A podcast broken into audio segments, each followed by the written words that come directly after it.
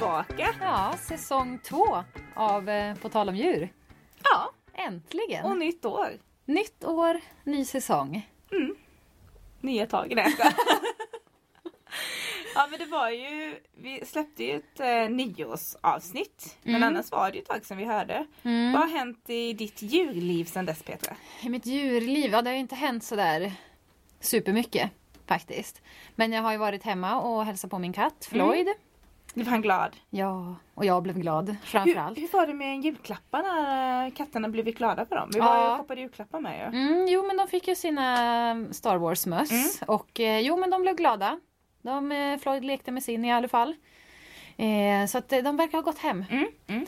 Sen har jag ju också varit och åkt hundspann. Hur var det?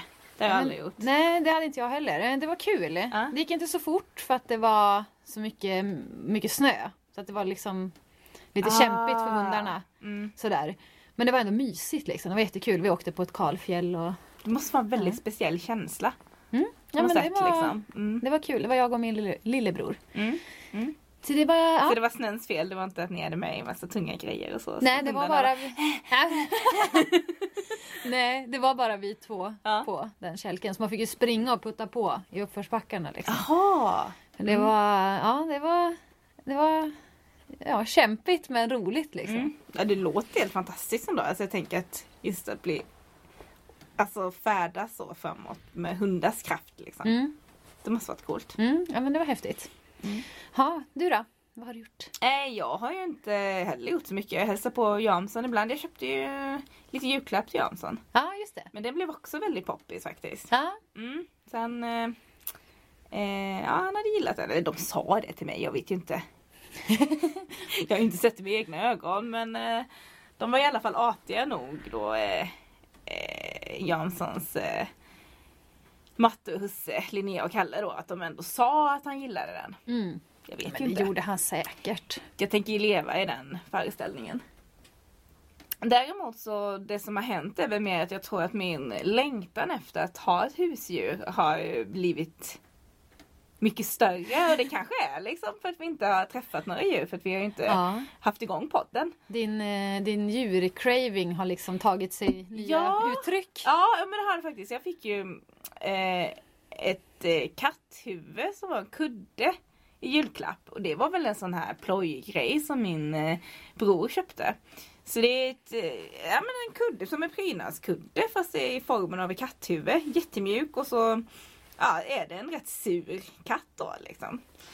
Så först skrattade jag bara, är det här när jag fick den på julafton? Alltså, typiskt min bror med att köpa någonting sånt. Um, har jag suttit och hållit i honom ett tag. Liksom. Jag känner det känns ju ändå rätt bra. Så sent där på julaftons kväll så döpte jag honom till Ralf. Mm. Eller ja, jag visste inte om det var Ralf eller Ralph. Men nu har jag landat i att det nog är mer Ralf, den svenska versionen då. Nej, så jag tog ju med mig eh, Ralf eh, hem till Göteborg då. Och eh, där, så, så upptäckte jag, då, jag märkte att jag började flytta runt på Ralf. Liksom. Att ibland satt han på sängen, och ibland i soffan. Och, ibland låg han liksom, när vi kollade på TV, så låg han liksom nära mitt huvud, ibland vid fötterna. Så, så jag började flytta runt honom som om han var en riktig katt och så. Mm. ja, ja, ja, tänkte jag. Det är kul grejer liksom. Sen blev jag ju förkyld. Aha. Och eh, var uppe om nätterna typ två veckor och hostade jättemycket och så här. Och jag vet inte hur det är när du är sjuk Petra men jag blir väldigt ynklig då. Mm. Alltså speciellt när jag inte kan sova. Ja, nej men det är ju hemskt. uppe på nätterna Ja, och sådär. Och, ja, Jobbigt. då blev ju Ralf eh, en bra kompis och då Ja. började jag prata med Ralf också. Jaha. Ja, Oj. precis. Så han var ju med mig där på nätterna då när jag hostade och jag sa oj oj oj Ralf, ja, i natt har vi inte fått sovit mycket. Och, så det, blir, det, det här har gått längre och längre då så till slut så började jag fundera lite på att Ska jag liksom ställa Ralf när jag går från jobbet då? Ska jag ställa Ralf i hallen så han möter mig när jag kommer hem? Ah. Det har jag faktiskt inte gjort än men det började gå i de tankarna. Och sen började jag känna att stackars Ralf han får ju aldrig komma ut. Han är ju bara här i lägenheten hela tiden. och då kände jag också att nu det var lite varning så här, nu får jag ju liksom hia mig. Så det, det, har jag inte heller gjort liksom. Men ja, jag började få de tankarna så här. Sen har jag ändå blivit eh, frisk då. Så att, eh, nu känner jag inte samma behov av Ralf på det sättet. Men han är ändå med mig, jag pratar lite med honom ibland och så. Och han har ju många fördelar. Han fäller ingenting, man behöver inte mata honom. Han har ju ingen låda. kropp liksom. Nej precis, man behöver inte tömma någon låda, ingenting sånt liksom. Sen så är det ju lite negativt för att man får inte så mycket respons. Han har ju samma, han har ju samma face hela tiden då. Han är ju sur hela tiden också. Så att ja, det finns ju fördelar och nackdelar med allt. Men nu försöker jag avgifta mig för att bara här om veckan så började jag fundera på, för jag ska iväg på semester då med vår kompis Victoria. Och hon har ju två katter. Så hon var ju såhär, ah, jag håller på att fixa kattvakt och så. Och då började jag fundera på Behöver jag en kattvakt till Ralf? och eh, då kände jag att nu har det gått nu får jag sakta alltså, i backarna här. Jag hade ju sett varningstecken lite innan mm. så men det här var liksom nej nej nej det, det funkar inte liksom. Jag tror det är jättebra att vi börjar ja. podda igen så att vi får träffa lite djur och sådär. så att vi får... Jag tror det är nödvändigt ja. för min, eh, mitt välmående. Ja det låter ja, så. Ja nej men jag vill nog verkligen ha ett husdjur. Men, ja. Ja, jag bor ju kvar i samma lilla lägenhet och så så det blir ju ingenting av det nu och Ralf han får väl duga så länge liksom. Ja. Och så tänker jag så här, är det konstigt om man sover med Ralf då och då? Det är det väl inte, han är ju en kudde. Nej. Han är ju inte bara en katt, han är en kudde också liksom. Det gör du precis som ja. du vill. Ja. Det tycker jag. Ja, mamma och pappa var och hälsade på i helgen med och så ser jag liksom hur pappa använt Ralf som en kudde du vet, i soffan bakom ryggen så här. Så jag bara, pappa har du satt dig på Ralf? Pappa nej jag trodde det var en vanlig kudde. Ser du hela tiden? nej det var Ralf säger jag så här helt förfärad. Och så, då satte vi honom på golvet sen för jag bara mm. men vi kan ju sätta honom, men han måste ju fortfarande se TV för mm. det, han gillar ju det liksom, ja. tror jag. så satt han så här, och det gillar ju katter med, ligga på golvet så det tänkte jag att det är ju inget konstigt så. Nej. Nej, nej så att eh, vi får se, det kanske blir en följetong här om Ralf. Ja men, vi får se, det här låter ju onekligen spännande. Han är väldigt så här, mjuk och gosig mm. måste jag faktiskt säga. Så att eh, tror, jag tror inte att min bror hade räknat med att jag skulle väcka den här sidan hos mig när han klickade hem Ralf på nätet.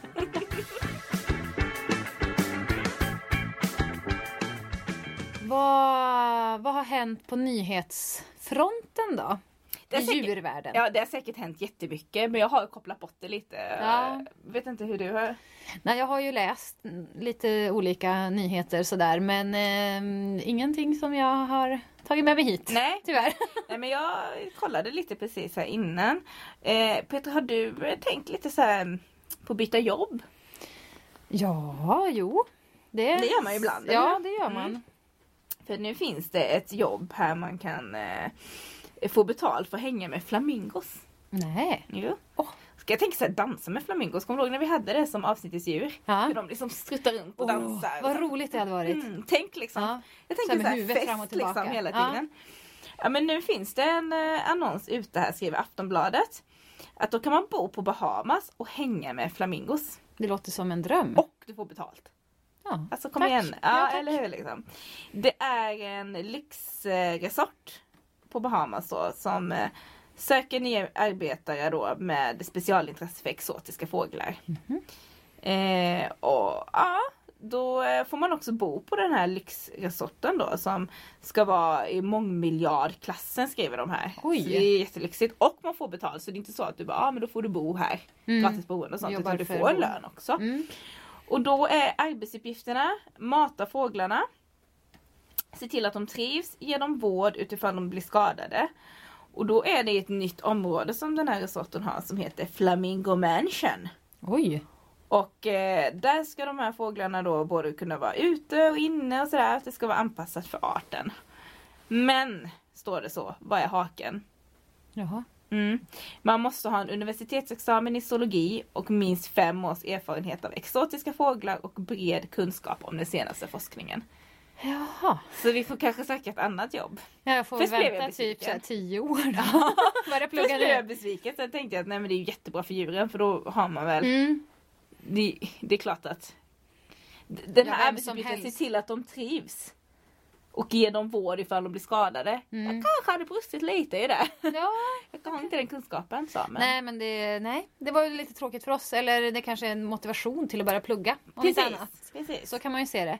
Eh, men det är klart det är bra för fåglarna och att de måste ju ha eh, folk. Mm, alltså mm. det måste ju finnas de som kan hjälpa de här fåglarna om det skulle behövas. ja, och men att de precis. ska ha det bra om de ska nu bo på det där viset. Precis. Men Nej. Alltså om man har de här erfarenheterna, tänk vilket härligt jobb. Ja, ja då skulle jag ju söka. Mm. Det skulle jag göra. Samma här. Sen eh, ja, jag var kvar på Aftonbladet och då hittade jag någonting här. En rubrik Forsk att forskare säger då att myror har sjukhus där de vårdar sina skadade. Åh. Mm. Alltså det är en viss myrart som ser till då att bära tillbaka skadade kamrater till myrstacken där de sen får vård.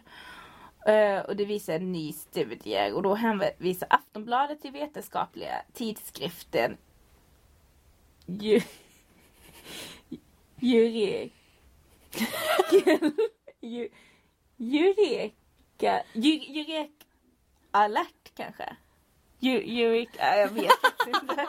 De hänvisar till en vetenskaplig tidskrift. Vissa saker hänger kvar från säsong ett. Så ofta läser jag vetenskapliga tidskrifter.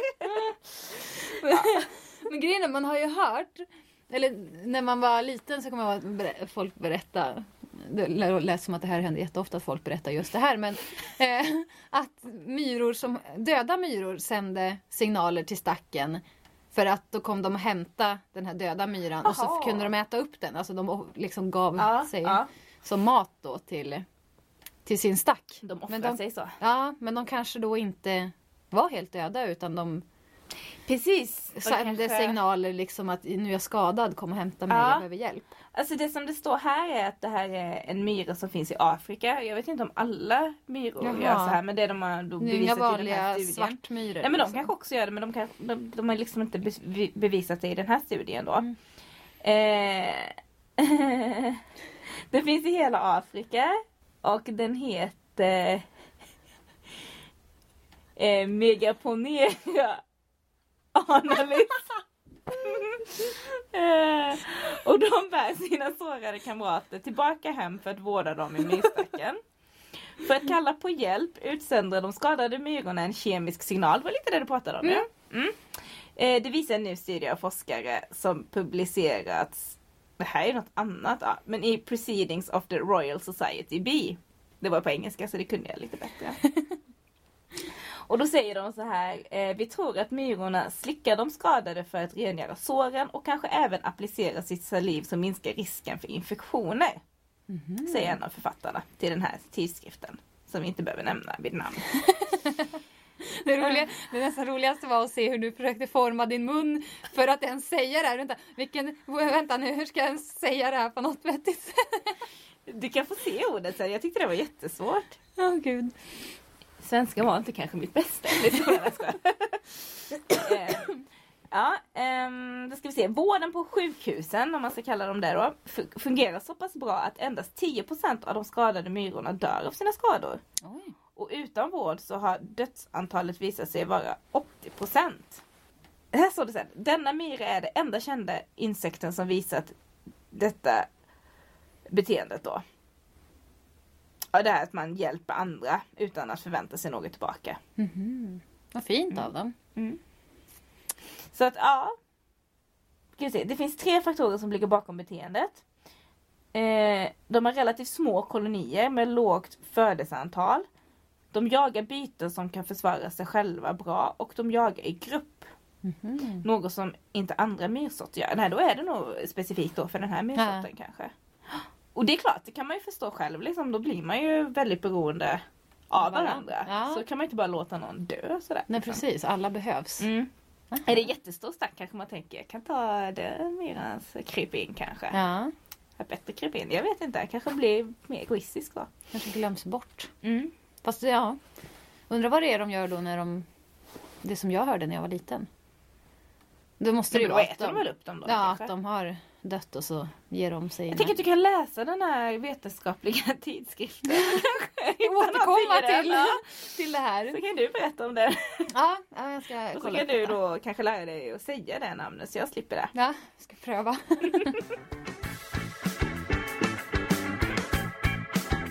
Ja, då ska vi till, eller på utflykt. Ja precis! Och jag har hittat en liten kort eh, nyhet eller, som kan vara lite kul när vi är på den här lilla utflykten. Jaha, Ska jag dra det också? Ja, gör det. Ja. Jo, att det är nämligen så här att eh, antalet hundar som bor i Stockholm ökar. oj, jaha. Så i Stockholm nu, i Stockholms län, så finns det 122 050 hundar registrerade. Oj, Och av de här jäklar. bor de flesta i Stockholms stad då. Så det är en hund per 20 stockholmare. Det är rätt många hundar. Ja, det är det verkligen. Ja. Vid innerstan liksom. Eller i Storstockholm. Ja, det står bara stockholmare. Det är Dagens Nyheter som har skrivit det. Eh, eh, I mitten av januari. Och de har ju så här premium login så jag ser inte mer. Och det är oavsett väldigt många hundar. Ja, oavsett om det är Stockholms län eller om det bara är Stockholms stad så är det ju väldigt många hundar. Ja, det är det. Verkligen. Mm. Ja. Eh, då kanske ni undrar vad det ska handla om eh, den här utflykten? Är det Stockholm eller är det hundar? Ja. Mm. Där ni har ni något att klura på. Men vi kan ju avslöja det. Ja. Det kommer ju handla om hundar. Mm. Närmare bestämt hundpsykologi Precis. ska vi prata om. Eh, eller vi har varit och pratat med en kvinna som kan väldigt mycket om det här. Mm. Som heter Pia och som jobbar på Hundens hus i Göteborg. Eh, så hon ska få berätta mer om vad är hundpsykologi egentligen. Och vad kan man få för användning av det? När man säger hundpsykologi så pratar man mer om hundens beteende. Och ett, ett, att veta mer om hunden, varför det beteendet utlöses. Ehm, och när det gör det och var, alltså hela den delen. Det är för många gånger ett naturligt beteende. Jag ska kunna läsa hunden eh, till exempel i ett jak- jaktsammanhang då. Det finns jakthundar som drever och tax och så. Sen i andra sammanhang så kan det vara eh, i vardagsmiljö. När man, man har en hund eller kanske har två hundar och helt plötsligt så börjar den ena morra över en matskål. Och eh, det är också egentligen ett naturligt beteende att vakta det man vill ha kvar. För kommer den andra hunden för nära så talar man bara om, om jag har mitt ben eller matskål att nej men det här är mitt. Du behöver inte komma närmare nu för det här har jag, är jag beredd att försvara. Eh, Så det är att förstå det att det ligger helt naturligt hos hunden att göra en sån grej. Men för många blir det ju ett problem. Det kan också vara att läsa beteenden som när de är svåra att hantera. Till exempel ta i, borsta, klippa klor och hela den här biten. Det är också en, en viktig del. Så att hundpsykologi handlar väldigt mycket om hundens beteende. Varför de gör det och hur de gör det och när de gör det så att säga. Så det behöver inte handla om att hunden kanske mår dåligt. Bara för att den gör någonting som vi tänker att nej men gud det här. Nej, absolut inte. För många gånger är det så att för i och med att det är ett naturligt beteende för hunden så mår inte den dåligt när den utför det. För många gånger är det ägaren det har blivit ett problem. För de kan inte släppa sin hund i skogen för då springer den iväg. För hunden är ju inte det ett bekymmer. Nej. Det är ju för ägaren. Och samma sak att för många, många familjer och många hundägare missförstår sina hundar. När de då har en morrande hund som bara talar om att nej men jag vill inte detta just nu. Eller ja, det här är mitt. Så blir det ett problem för ägaren. Att de tycker att nej men nu bestämmer hunden över mig. Eller nu, nu, nu, nu, nu, nu, är, det nu är den farlig och nu kommer den, nu är det jättejobbigt. Men för hunden är det ju bara ett sätt att kommunicera. Och tala om att det här det är mitt. Kan du bara flytta på det lite grann så här kommer det inte hända något heller. så det, det är så det blir väldigt ofta. Sen kan självklart en hund i sig själv ha ett problem. Den kan vara, ha, vilket kan utlösa ett, ett beteende som inte är riktigt naturligt. Och det kan vara sjukdom. Det, kan vara, alltså det finns många sjukdomar som faktiskt i direkt anslutning till att det kan bli ett bekymmer. Till exempel som om hunden har en öroninflammation så kan den bli mer och lättare ljudrädd. Eh, för det gör ont i öronen på ett helt annat sätt när det bangar till eller det smäller. Det kan vara att en hund tappar luktsinnet. Fungerar inte som jakthund bara för att den har fått noskvalster. Och då blir ju det ett bekymmer för ägaren och, och, och även för hunden då. För att den upplever ju att den kan ju inte jobba som den ska. Så att läsa hunden. Att kunna kroppsspråket på den och se vad är det för signaler som betyder vad. Sen kan det skifta jättemycket beroende på situation såklart. Men väldigt ofta så, så är det nästan som för oss människor. Vi har väldigt samma om man tänker efter långt, långt in. När vi blir ivriga och glada då lutar vi oss också framåt och vi blir mer intensiva och vi, vi glittrar med ögonen och man, man skrattar. Och, och så gör en hund nästan också. Och när vi blir stela och vi blir arga eller vi blir förbannade då backar vi oftast undan och, och tills dess att vi blir så trängda kanske att vi måste kanske, ja i vissa gör ju det, smocka till någon då. För att man vill gå in och försvara sig istället. Mm. Och det gör vi, ju- hunden gör likadant. så Man får återgå lite till sig själv. ja faktiskt, mycket paralleller.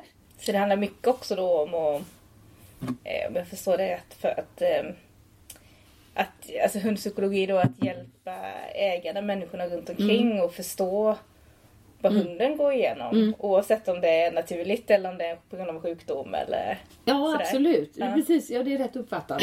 Det är där psykologi, ordet psykologi, hundpsykologi kommer in. Den psykologin är den man, det är den man jobbar med, alltså inför ägaren egentligen, väldigt många lägen. Man coachar ägaren till att försöka förstå och, och få mer kunskap om vad det är som händer, vad det är som, varför hunden gör som den gör och när den gör det och vad de ska då naturligtvis så får man ju då komma med de tipsen och råden. Men vad gör du då? Hur ska du kunna hantera detta? Hur du ska kunna träna detta så att det blir bättre. Men vad skulle du säga är det vanligaste då som kanske ägarna inte förstår kring sin hund? Vi kanske ska kalla det för problem då tänker jag. Nej. Utan mer vad är, vad är det ägarna, vad är det vanligaste ägarna inte förstår? Det är nästan det, det är faktiskt det exemplet jag drog förut. Det kanske var därför det kom närmast. När hunden morrar. Ja. Mm. När hunden morrar när man ska hantera den eller när man mm, mor, den morrar över ett ben eller den morrar när den ligger i soffan och inte vill bli störd. Alltså den kanske sover och så kommer någon och klappar och så morrar den till. Och då tar man det som att då är det fel på hunden. Ja. Det, den får inte morra. Men det får den visst det. En morrning är egentligen på ett sätt en väldigt bra signal. Den talar bara om att, ungefär som vi säger nej. Nej, alltså eh, låt bli. Just nu gillar inte jag detta.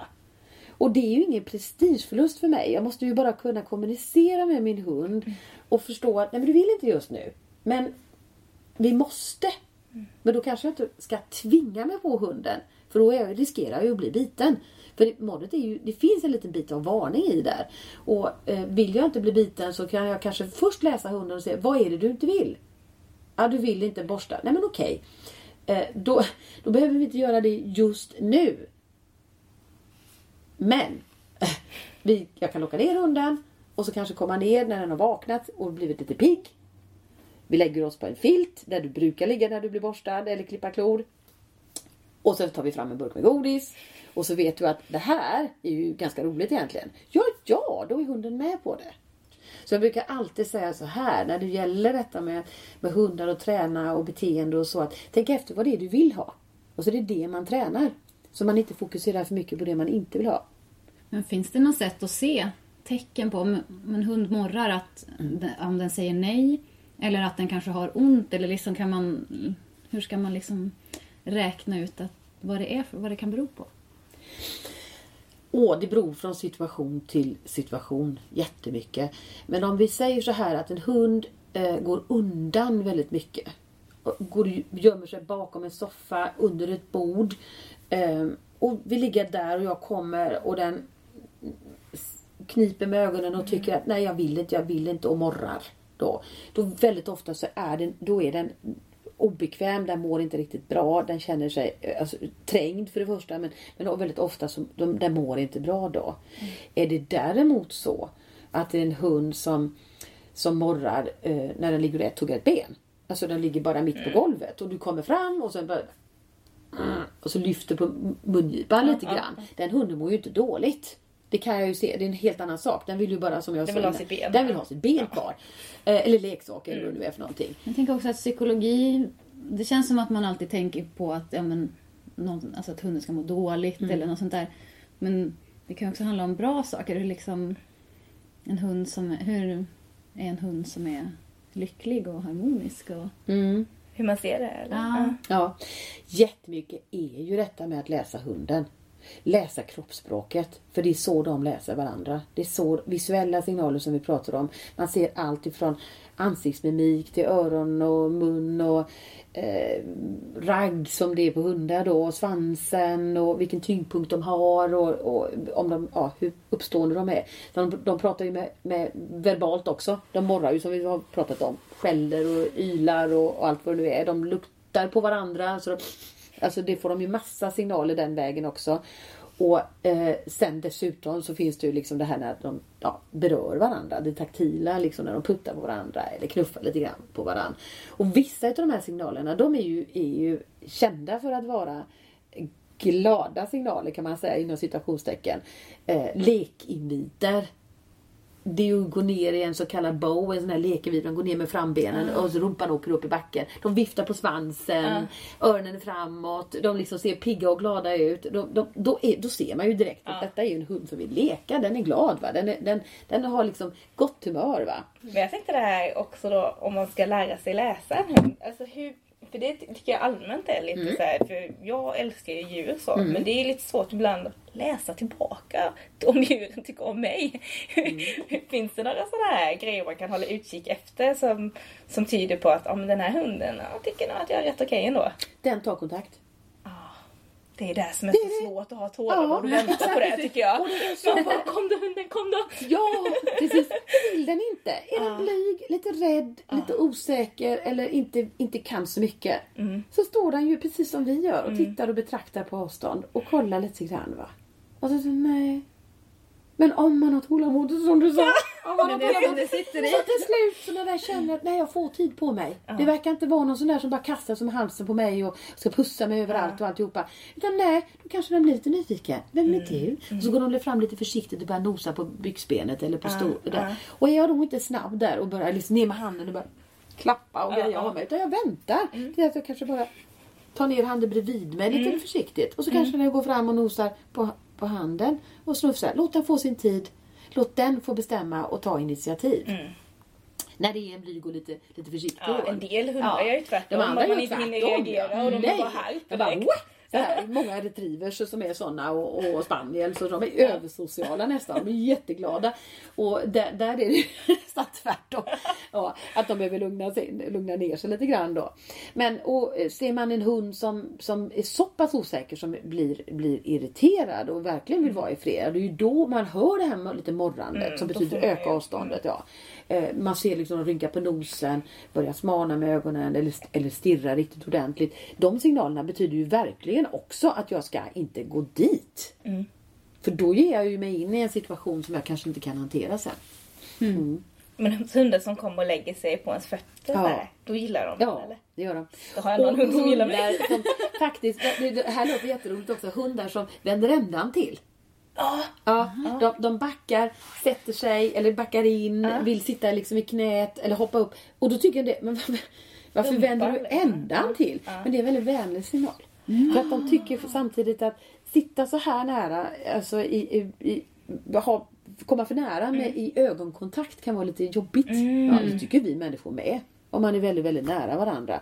Sitter så här, alltså med några centimeters avstånd och så. Det gör man bara med de man känner och är trygg med. Ja, för jag kände en hund eh, som hette eh, Nelson. Han var en eh, eh, ja, sjukpensionerad militärhund. Ja. Han var ju väldigt så här, liksom, uppfostrad. Men då kunde man börja klappa honom så här, Ja. eh, ja, bakom ögonen och så. Och sitta och prata. Sen helt plötsligt så hade han ju vänt sig om. Ja. Och så satt han och kli- kliade honom på höfterna. Men då var det en positiv grej. Ja det var det. Ja. Var det. Han, och, och det var också delvis lite grann att han nog talade om att nej, men nu, det, det, det, det är jättemysigt men, men just li, kanske lite mycket Ja. alltså just För det här ögon, ja, precis som jag sa ansiktskontakten då. Men jag, får- jag uppskattar det jättemycket fortfarande och jag vill väldigt gärna vara med dig. Men det behöver inte vara liksom så nära i facet. Så jag vände mig om. Och han var ju så smidig så med. Eftersom han var så tränad så sa han ju, han Jättebra. började inte morra eller något utan han bara mm, Ja. kommer rumpan istället. Vad ja men vad kul, då vet Ja. man ju det. Ja. Då var det ett tecken på att han tyckte att det var mysigt. Han liksom. tyckte Mm, absolut att det var mysigt. Precis. Mm. Kul. Jag ska kolla efter det. Men tänker man att det är skillnad både individer och raser? Alltså de, måste vara Mm. skillnader där, skiljer där också. jättemycket. Och det är också en grej som återkopplar till det vi pratade om tidigare. Att det är ju så att eh, väldigt viktigt att man köper rätt typ av hund. Man kan börja i alla fall och välja rätt ras. Ungefär vad man tror att man ska, vad man ska ha den till. Är det till sällskap eller är det till jakt eller är det till, till att jag ska valla får eller vad, vad ska jag göra med hunden? För ska jag valla får så ska jag inte köpa en chihuahua. Eller vice versa. Vill jag ha en sällskapshund så ska jag inte köpa en border collie. För att de är avlade till olika ja, sammanhang och olika arbetsuppgifter. Och köper jag en border collie då får jag en högaktiv hund som, som ska vara högaktiv och ar- kunna arbeta länge med uthållighet. Och då gäller, det kan ju bli ett problem om jag nu inte är så aktiv själv utan är en soffpotatis. Då kommer den hunden klättra på väggarna. Mm. Så det, det är viktigt. Sen kan det finnas border collies som är lugna. Det är alltid individer i varje ras. Och det skiljer ibland mellan könen, alltså mellan hane och tik. I vissa raser är det väldigt stor markant skillnad på om, om det är hanar eller tikar. Hanar kan vara mer aktiva, mer utåtriktade. De ska ju jaga brudar. Medan tikar kan vara, upplevas i vissa raser lite lugnare då. Så allting. Så kön och, och självklart ålder också. Yngre hundar är ju så oerhört mycket mer nyfikna. Eh, de ska upptäcka världen, skaffa erfarenheter. De är pigga, de är glada, de är aktiva i många, många raser och många individer. Sen ju äldre man blir, precis som med människor, så desto lugnare blir man. Ja. Ja. Jag tror att man kan applicera de här grejerna på andra husdjur. Om man har en katt Absolut. eller hamster eller Ja. sådär. Mycket. Mm. Mycket också, faktiskt. Du kan läsa en katt när den inte vill heller. Många lägen. De är ju lite mera... Eh, de är inte lika formbara anpassningsbara som en hund är. Men självklart alla djur. Du kan, en häst eller en, en kossa eller vad det nu än är. Det, det är många lägen som vi inte, vi har inte tålamodet att läsa djur. Att vi, vi förstår inte kroppsspråket, vi ser inte signalerna på vad det är de känner och vi ser inte signalerna på vad de, vad de vill heller. I alla lägen utan vi, vi, det är envägskommunikation. Vi dundrar på med vårat vad vi vill. Nu ska du in i transporten eller nu ska du göra det, nu ska du göra det. Och man har inte tid liksom på att, att eh, läsa in hunden och se vad, vad, vad, vad känner du egentligen? Vad tänker du nu? Men finns det risker för hundens välmående då om man inte läser, om man, om man kör på den här envägskommunikationen? Oh, ja. För kan, kan hundar bli deprimerade Ja. och så då? Eller vad finns det för risker? ja absolut, det finns ju samma, samma begrepp som, det finns inom människopsykologin då. Begrepp som hjälplöshet, alltså inlärd hjälplöshet. När man känner att man inte kan påverka sin situation. Till slut så ger ju hunden upp. Och det kan i många lägen vara en till synes en hund som är lugn och välanpassad och inte stör. Och, men den ligger mest bara och deprimerar. Eller den bara Så den är avtrubbad Ja, den är avtrubbad. Ja. Jajamän. Så att det kan absolut drabba en hund lika mycket som en människa också faktiskt. Men om man då liksom själv vad ska man, hur, hur kan man läsa av det? Om det är någon hund, alltså någon kompis hund eller någon ens egen hund och man misstänker liksom att den är liksom lite psykiskt inte mår så bra. Hur kan man se det? Det, det beror på. Ja, det finns ingen så här checklista. Nej, det gör inte det. Det, det. Det beror på hunden. Ja. det beror på vad det är för ras och som Ja, vi sa innan. ja. Och, och Individ allting. och Ja, allting. individ. Ja, precis. Och vad, vad, för det- som vi sa innan, det- det- en del går undan lite grann. En del kanske istället då gör utfall i koppel eller vaktar för mycket vid dörren. Eller, eller faktiskt då kanske börjar gnaga på sig själv. Eller, alltså du vet, lite, alltså de ligger och slickar, slickar, slickar. Alltså det är också en form av stress. Eh, Så det, det finns många olika symptom på det. Man får titta på helheten. Egentligen så som man jobbar som hundpsykolog. Så tittar man på eh, inte bara symptomen. Man tittar inte bara på exakt vad hunden gör. Utan också när den gör det som jag sa, hur, hur den gör det och var den gör det och vad ägarna gör det i sammanhanget. Men så, så ser man ju också, väver man in hela hundens och ägarens livssituation. Var de bor någonstans och hur ofta hunden får gå ut och var den får lov att sova och vad den äter och vad tidigare sjukdomar och tidigare erfarenheter. Eh, och man väver in rasen och åldern. Alltså det, man tittar på helheten som en hundpsykolog. Och så går du in och tittar på vad kan vara orsaken eller orsakerna till att detta beteendet utlöses. Mm. Och så får man gå på bred front och börja jobba med alla de här olika orsakerna. Jag läste en artikel som kom nu i slutet på januari. Mm. Om att det skrivs ut, eller det tas ut mer och mer antidepressiva till husdjur. Ja. Hur tänker du kring det? Det är någonting vi rekommenderar själva. Men det, jag tror att artikeln, jag läste den lite grann delvis där. Eh, det som finns nu det är inte antidepressiva på det sättet. Utan det är lite rogivande medel som är mer kosttillskott. Mm. Och det finns något som heter, ja det finns olika märken, jag ska inte dra dem nu men, men det är mer med, med, det är lite mer mjölkproteinbaserat. Det kan vara lite tryptofanbaserat. Alltså man, man tillsätter eh, näring till en hund som kanske är lite stressad. För den gör av med mer näring än vad maten kan tillföra. En normal mat, matmängd. Va? Eh, och det gör ju att hunden blir lugnare för att den, den, den får en, en den får det den ska. Med andra ord. Den ska få det den behöver i det läget. Det finns någonting, det kan jag nämna adaptil då, en, ett ämne, ett feromon då som, som, som faktiskt är lite rogivande som är luftbaserat som, som sprider sig i vinden och det finns även som halsband i och för sig. Men som också är, ett feromon är ett ämne som tiken avsöndrar när den har fått valpar som är lite lugnande. Och det kan behövas i mer specifika oroliga situationer som väldigt mycket runt nyår och påsk när de smäller som fan. Rent ut sagt. Ja. Eller till exempel vid miljöombyten, man flyttar. Och så blir hunden lite orolig och stressad av den anledningen och tycker Hu! och då kan man sätta in en sån här dosa i väggen och så blir det liksom lite hemmet, det nya hemmet känns lite mer tryggt och hemtamt. Jag, alltså jag kan slappna av lite mera. Så egentligen är det den typen av antidepressiva. Sen finns det lugn, riktigt ren lugnande för de hundarna som inte kanske klarar av att åka bil utan de mår, de blir stressade. Åka flyg för att de blir stressade. Och det är för att vi tar med oss hundarna mycket mer nu än vad vi gjorde förut. Vi, vi, vi tar med oss dem, vi fick- kan ju ta, transportera oss i bil förr fick man ju inte ta med dem ut i Europa med bil. Nu får vi det. Okej. Nu är det jättemånga som flyger med sina hundar. Mm. Och det, då kan ju hundarna också behöva detta mycket mer. Så livssituationen och miljön för hunden idag är ju så mycket mera och det händer så mycket mera. Så att i, i, i anslutning till det så behövs ju också de här tillskotten. Mm. Och ibland lite extra hjälp. För att de ska inte bli rädda. Det handlar inte om att vi har mer deppiga hundar Nej, nej, nej, nej, nej. Deras verklighet ser annorlunda ut. Ja, exakt. Mm. Ja. Men jag bara funderar, hur är det om man...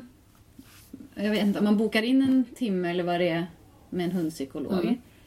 Liksom hur... Vad händer då? Kommer de in, alltså, tänker ju som så här, när Mm. människor går tillbaka och ligga på en soffa och berätta. Och det är liksom, men hur ser det ut? Ibland sitter vi i detta rummet, i massagerummet faktiskt, och Ja. hunden ligger på soffan. Ja, precis.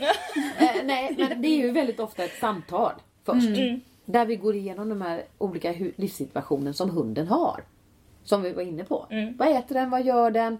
Vad, var är den på natten? Vad får den göra på dagarna? Eh, eh, hur- vad, vad är problemet? Vad har du gjort åt det innan? Vad, vad vill du ha? Vad vill du eh, ha för resultat? Vad vill du ha hjälp med? Den biten pratar, börjar vi prata med. Det kan ta en timme, en och en halv. Och därefter så, så går man igenom och tar lite övningar. Beroende på vad det är de vill ha hjälp med. Ja. Ja. För att se hur hunden beter sig och Ja. så då. Ja. Och sen kan det bli återbesök då. Och Ja. uppföljning.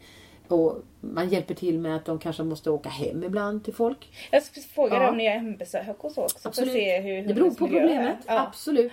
Så det gör vi också. Mm. Åker hem. Och vi träffas på stan. Om det är nu det som vi behöver träna. Alltså miljöträning Ja. eller möte med människor eller hundmöten. Så måste, kan man ju inte bara vara här utan då måste man ju byta miljö. Ja. Mm.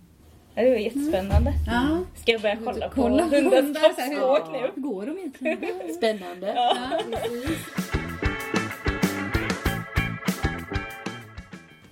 Alltså jag förstår ju ändå att de här eh, tv-programmen som finns med folk som liksom är lite djurpsykologer, att de blir populära. Ja. För det är väldigt fascinerande ämne så. Ja. Jag ska ju börja kolla mer på hur hundar beter sig nu. Ja, ja När man kanske kan eh, lyckas läsa ut någonting. Liksom. precis. Om en hund vänder rumpan till mig då kommer jag bli glad hädanefter. Ja. Ehm, I det här avsnittet så har vi ju inget veckans djur. Nej. Eftersom vi inte drog någon lapp senast och det har gått så himla lång tid. Så att eh, vi börjar om liksom på ruta 0, 1. Mm. Vi har inte kommit överens om vem som ska få dra en lapp. Nej det har vi inte. Ska vi köra sten, sax, påse eller? Eller hur ska vi bestämma det? Ja just det. Eh, ja men det får vi Eller ska vi bara slåss om det? Nej jag. Ja, men vi kör bara en gång då eller? Ja. Inte bäst av tre, det tar för lång tid. Ja. Ett, Ett, två, tre. Nej, det Jag vann! Då ska du få dra. Yes! Nu har vi ju lite nya lappar här i. Som vi har fått från eh, förslag på djur från en eh, lyssnare. Mm. Som inte är vår, liksom, inte en... Karin, vår kompis, har fått konkurrens. Ja, det har hon. Och vill man skicka in eh, fler djur så Mm. är det ju fritt fram. Ja, gör det. Men när jag öppnar då kan du berätta hur man gör i så fall Peter. Ja, men vi har ju en eh, Facebook-sida då. Ja. Eh, det är bara att söka på På tal om djur. Så kommer man till vår Facebook-sida. Och då kan man ju skriva ett litet meddelande till oss. Och bara ge de förslag på djur som ni skulle vilja höra mer om i programpunkten Veckans djur. Eller avsnittets djur Ja. menar jag. Så är det. Vad fick du nu då på... Så jag kände så att jag tror jag drar till Bahamas för jag fick paradisfågel. Åh! Och den eh, fågeln var väl ändå önskad från... Eh, Ja, från eh, Malin som har hört av sig på Facebook. så eh, Jag kan spännande! ingenting om paradisfågeln Nej, men snart Nästa så kan avsnitt jag jättemycket om det. så... Det kanske inte, de kanske inte ens Kanske inte ens den här Bahamas-referensen kanske inte ens passar in. Precis. Det kanske är någonting helt annat. Men det ska bli jättespännande att lära sig mer om den. Ja. Gud vad kul. Ja, då... eh, Ser lite avundsjuk ut Peter. Ja, det är jag faktiskt. Det blir din tur nästa gång. Ja, det blir det. Mm. Då säger vi väl tack och hej för den här gången. Och så hörs vi om två veckor Yeah.